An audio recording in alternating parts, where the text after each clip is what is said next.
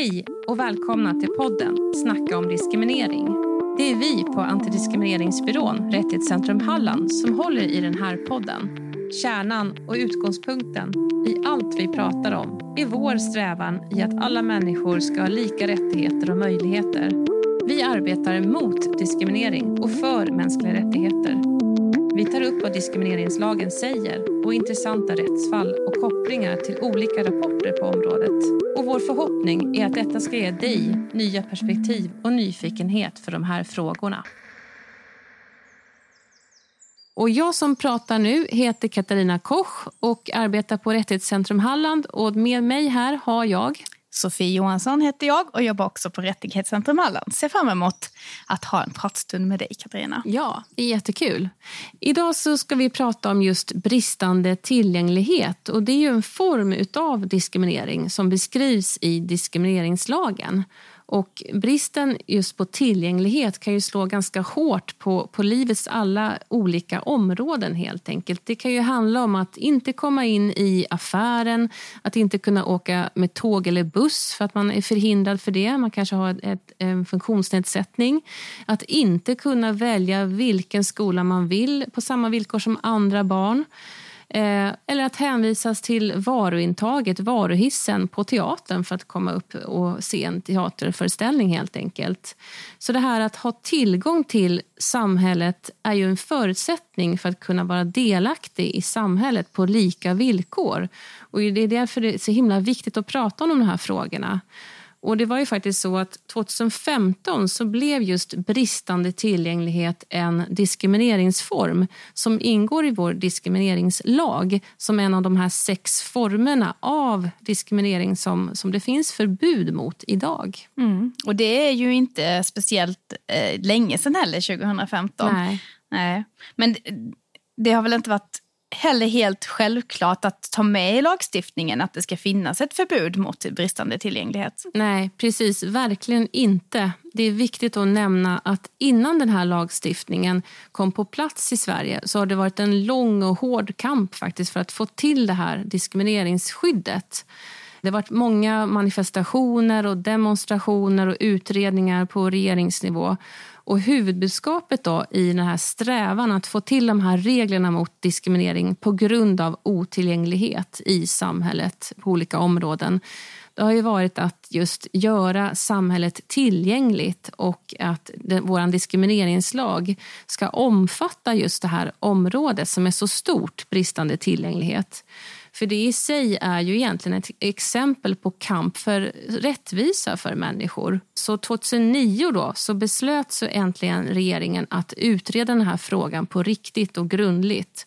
Och 2015 så blev just bristande tillgänglighet en diskrimineringsform då, som vi ska prata om idag. Och den är också väldigt efterlängtad då förstås. Och man kan ju förstå också det att det omtalas just väldigt mycket i samhällsdebatten idag. Det är ett aktuellt ämne som berör många. Det finns många områden i samhället som kan bli mycket bättre än vad det är idag. Och därför är det så aktuellt. Du nämner ju jättemycket det här begreppet bristande tillgänglighet. Men mm. kan du beskriva det? Alltså, vad betyder det egentligen? Det innebär ju faktiskt att en person med, funktions, med en funktionsnedsättning missgynnas på något sätt genom att en verksamhet inte vidtar de här skäliga åtgärderna som diskrimineringslagen eh, nämner. Då. Och det är för att en person ska kunna komma i en jämförbar situation som en person utan den här funktionsnedsättningen. Man ska kunna ha tillgång på samma sätt helt enkelt. Jag tänker att vi kanske även ska förklara det här begreppet funktionsnedsättning uppfattning mm. eh, vad det innebär i diskrimineringslagstiftningen. Ja, precis. Det måste vi göra. Och eh, då är funktionsnedsättning alltså det är en av de här sju diskrimineringsgrunderna som vi har i diskrimineringslagen idag och innebär då att någon form av, man har någon form av varaktig fysisk, psykisk eller begåvningsmässig begränsning. En begränsning i ens funktionsförmåga som människa som till följd av en skada eller en sjukdom som fanns vid födseln då har uppstått därefter eller kan förväntas uppstå. Det är så det är beskrivet i diskrimineringslagen. Mm. Och Det är också viktigt att poängtera det här med att det är en funktionsnedsättning som är varaktig under lång tid. Det kan ju vara till exempel nedsatt syn eller nedsatt hörsel eller ett fysiskt rörelsehinder. Det är kanske det man eh, rent spontant tänker först på. Eller, eller så kan det vara en neuropsykiatrisk störning, till exempel Aspergers syndrom är ett ex, exempel på det. Och Det är viktigt också att tala om att det, förekomsten av en funktionsnedsättning det handlar om inte graden av den. Så Det kan också vara en allergi man har faktiskt som, som påverkar ens liv.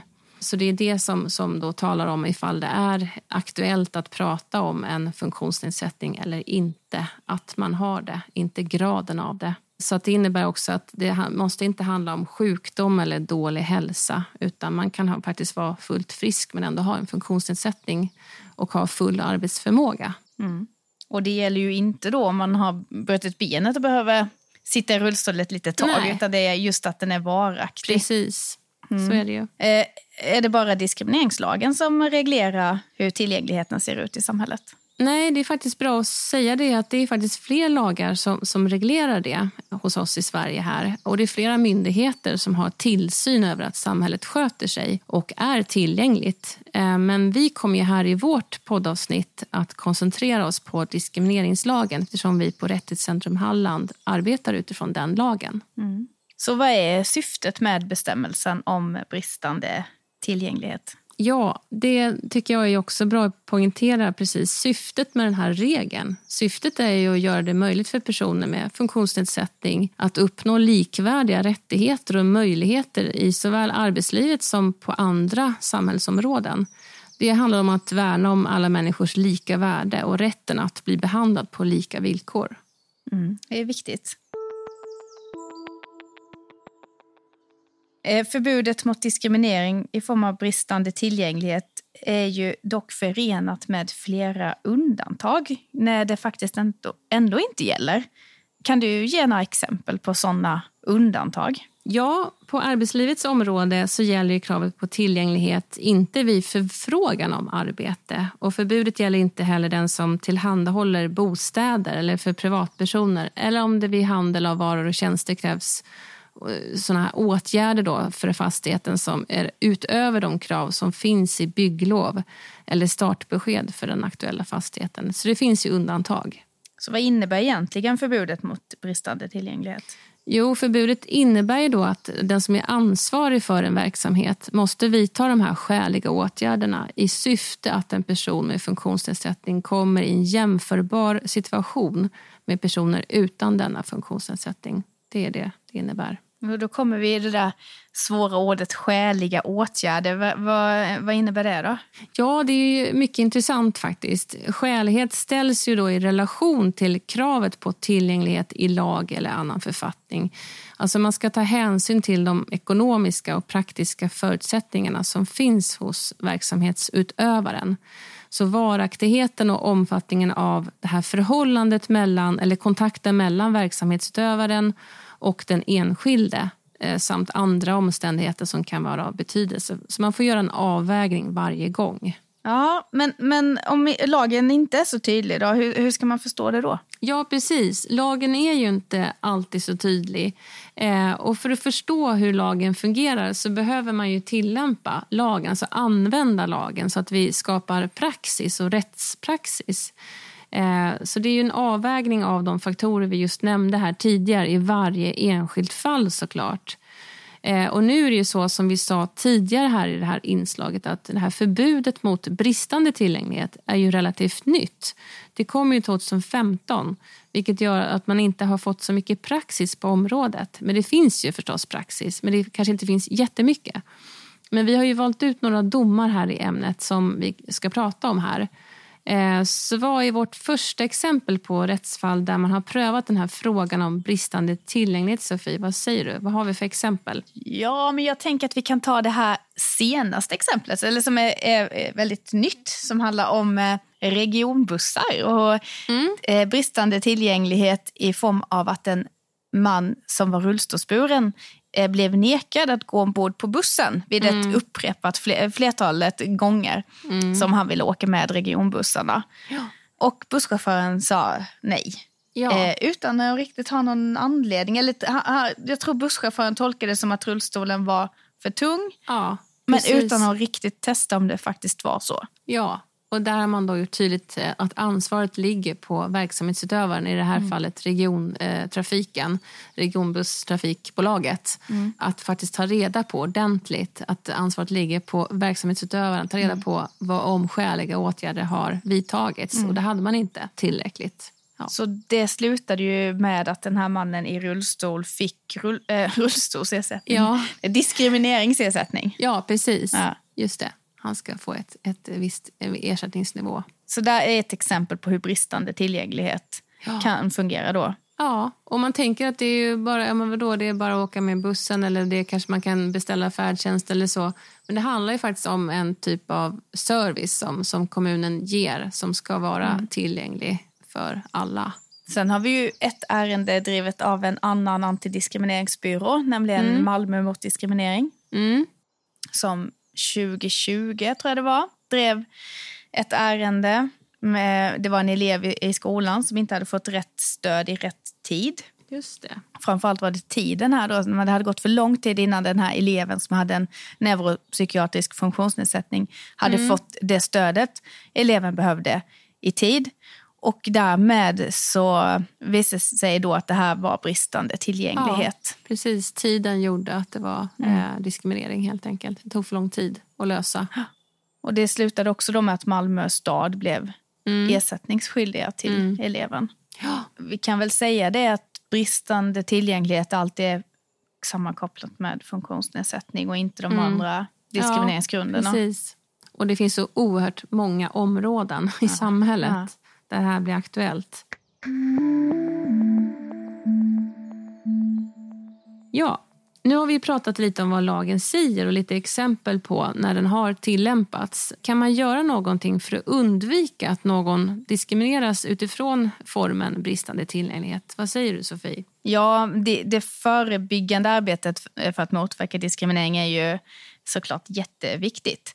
Eh, och det gäller ju såklart också alla diskrimineringsgrunder och alla former. Eh, men det är en sak som jag har upplevt är lite intressant under de här åren som jag har jobbat med funktionshinderrörelsen. Eh, och det är ju att det ibland kan också vara lite motsägelsefullt. Eh, det som är tillgängligt för en grupp kan ju vara otillgängligt för en annan. Och jag vill bara, jag vill bara säga det för jag tycker att det är lite intressant för att, eh, att visa på att det inte alltid är så lätt heller ehm, med vad man ska välja. Exempelvis synskadade och rörelsehindrade kan ha olika behov. Mm. Eh, för synskadade som går med käpp så kan det vara en fördel att det exempelvis finns en trottoar vid vägen och att den är tydlig så att man vet var vägen börjar och slutar. Men för den som sitter i rullstol så kan det vara ett hinder om det är högerkanter. Och det är ju även toaletter där man behöver ha svängrum om man kommer med en rullstol. Medan det för en med synnedsättning kan vara en fördel att ha en mindre toalett så man kan känna båda väggarna samtidigt som mm. man känner var man har allting i rummet. Mm. Men eh, det, det, är ju undantag eh, såklart. Att det är klart att det kan finnas eh, motsättningar. Mm. Men det finns ju framförallt mycket att göra tänker jag. Ja, Precis, men man får ju verkligen en bild av att det här kan vara ganska komplicerat. Så det finns ju en hel del svårigheter att ta sig igenom här, helt klart. Och var ska man börja egentligen? Det känns lite snårigt just nu när vi ser på det med nya ögon här. Ja, jo. För att motverka diskriminering eh, i form av bristande tillgänglighet då, finns det ett begrepp som kallas för universell utformning. Och det innebär egentligen att man ska göra rätt från början Eh, och det ska leda till att sådana här individuella lösningar för personer med funktionsnedsättning inte ska behövas då i samma grad utan att det ska mer finnas generella lösningar som fungerar för flera redan från början. Mm. Att man tänker rätt från början. Så om något utformas på ett sätt som, så att det inte utgör ett hinder för någon så minskar också risken för diskriminering. Mm. Helt enkelt. Ja, det låter väldigt smart. Alltså. Det, det, låter väldigt smart att börja från början. Vad kan ett exempel på universell utformning vara? då? Ja, men vi kan ju titta på några exempel på lösningar som har gjorts med syfte att underlätta för en grupp människor som sen till slut har blivit så vedertagen eftersom det har visat sig att ge fördelar och fungera för fler människor än det var tänkt från början. Eh, exempelvis eh, idag så är det ju väldigt många automatiska dörrar. Exempelvis när man går in i köpcentrum och i, i butiker är ju en sån lösning som är, har visat sig fungera både för de som sitter i rullstol men även för andra människor som exempelvis har handlat väldigt mycket som inte kan öppna dörren. Så det är en sån lösning som är universell kan man säga. Sen är det det här med textning på tv och film. Det finns ju till för människor med hörselnedsättning. Men det är ju också en tjänst som används av väldigt många andra som inte har hörselnedsättning. Om man börjar tänka mer utifrån den som har störst behov av stöd från början så kommer det troligtvis att göra att man hjälper fler i slutändan. Mm. Ett exempel som jag såg när jag skrev eh, en, min kandidatuppsats då under min utbildning. Mm. Eh, det var ett liknande exempel, fast det är inte bristande tillgänglighet utan det var mer fokus på kön. Men eh, då kunde man se där på det här företaget att när det kom in fler kvinnor i det mansdominerade yrket så gjorde det också att företaget tvingades till att ta till fler hjälpmedel för den här styrkan som männen hade, den fysiska styrkan, fanns mm. inte i lika hög grad, eller man tolkade i alla fall att den inte fanns hos kvinnor, vilket gjorde att man man köpte in fler hjälpmedel. Mm. Och det i slutändan då hjälpte ju både männen och kvinnorna och minskade då sjukskrivningarna även hos männen som inte slet ut sina kroppar på samma sätt. Mm. Tack vare då att man hade anpassat arbetsplatsen för den som var svagast så att säga. Och så låter, skulle man ju kunna tänka alltid. Det låter jättesmart tycker jag faktiskt. Um jag tänker så här, när, när någonting ska, göras helt nytt från början så är det ju viktigt att ta redan från början tänka på universell utformning. Men om man redan liksom har en grund uppbyggd, hur kan man börja med universell utformning där man står? så att säga? Hur gör man då egentligen? Mm. Ja, det, det, finns ju såklart, det beror på vilken förening eller företag eh, som man är. Men ett steg som man kan fundera på är ju hur, exempelvis hur man kommunicerar ut. Eh, också vilka som är välkomna och vad man möts av när man kommer. Man kan fundera på vilka det är som inte finns på den här arbetsplatsen eller i organisationen. Är det tillgängligt att komma in? Man kan ju mm. göra såna här enkla saker som att påminna om att man inte ska ha starka dofter på sig på möten eller på mm. arbetsplatsen. Eh, och tänka på de som har allergier. Mm. Eh, att tänka på att ta pauser eh, när man har möten att man, använder sin, att man använder mikrofon när man håller ett föredrag, vilket är ju mm. överraskande ofta att trots att det till och med finns hjälpmedel som mm. förstärker ljudet så använder man inte alltid det. Men det kan, man ju, det kan ju vara ett första steg att faktiskt använda det då. Mm. Eh, så det handlar ju både om tillgänglighet i miljön och, men också hur man använder produkter, program och tjänster så att de, så de kan utformas så att de är tillgängliga. För att sen då slippa göra individuella justeringar i efterhand. Jo, men det låter som att det är ju faktiskt eh, samhällsekonomiskt eh, väldigt smart det här. Om man gör rätt från början Precis. och tänker på alla mm.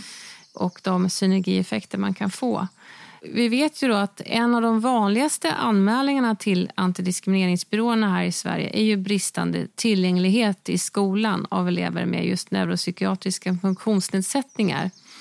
Det är ju ganska många anmälningar vi får där på det området. Och tänka på även de som har neuropsykiatriska funktionsnedsättningar när man, har, när man faktiskt utformar en studiemiljö som gör att förutsättningarna för alla blir bra. Eh, här finns det mycket att göra och det behöver lyftas upp det, eh, de som har lyckats att få just en universell utformning av klassrummet för att minska bristande tillgänglighet. Vi behöver lyfta upp de exemplen egentligen. Ja, eh, för att förebygga är ju också en viktig del av diskrimineringslagen som vi jobbar med. En del i diskrimineringslagen heter aktiva åtgärder. Och Det innebär att arbetsgivare och utbildningssamordnare är skyldiga att arbeta för att motverka diskriminering på arbetsplatsen eller i klassrummet. Ja. Och Då ingår det också att man ska motverka bristande tillgänglighet för personer med funktionsnedsättning. Mm. Men också alla andra former av diskriminering och diskrimineringsgrunder. Och det är ju någonting som man ska jobba med återkommande och, eh, mm, och regelbundet. Superviktigt för mm. att få en, en rättvis skola helt enkelt. Precis. Ja, det stämmer ju. Och eh, Diskrimineringslagen innehåller ju inte bara dina rättigheter utan även vilka skyldigheter arbetsgivare har. Där har vi ju en del just det här med aktiva åtgärder som eh, finns en skyldighet, eh, ett ansvar där på arbetsgivare och utbildningsanordnare. Aktiva åtgärder och förebyggande arbete mot diskriminering har vi anledning att återkomma till i fortsatta samtal framöver här i vår podd. Eh, jag tycker att vi avslutar dagens diskussion och tar med oss eh, från dagens samtal att tänka rätt från början helt enkelt så vi minskar diskriminering på grund av bristande tillgänglighet. Tänk vilket samhälle vi kan få då. Helt otroligt. Det, det helt otroligt. Det har vi eh, förhoppningar på tycker jag. Tack för oss idag. Tack för att ni har lyssnat på podden Snacka om diskriminering. Vill du fördjupa dig ytterligare i de här frågorna så finns det också ett studiecirkelmaterial. Mer om detta går att hitta på vår hemsida www.rättighetscentrumhalland.se. Den här podden gjordes med stöd av Myndigheten för ungdoms och civilsamhällsfrågor, ABF Halland. Tekniker för podden är Joakim Dahlström.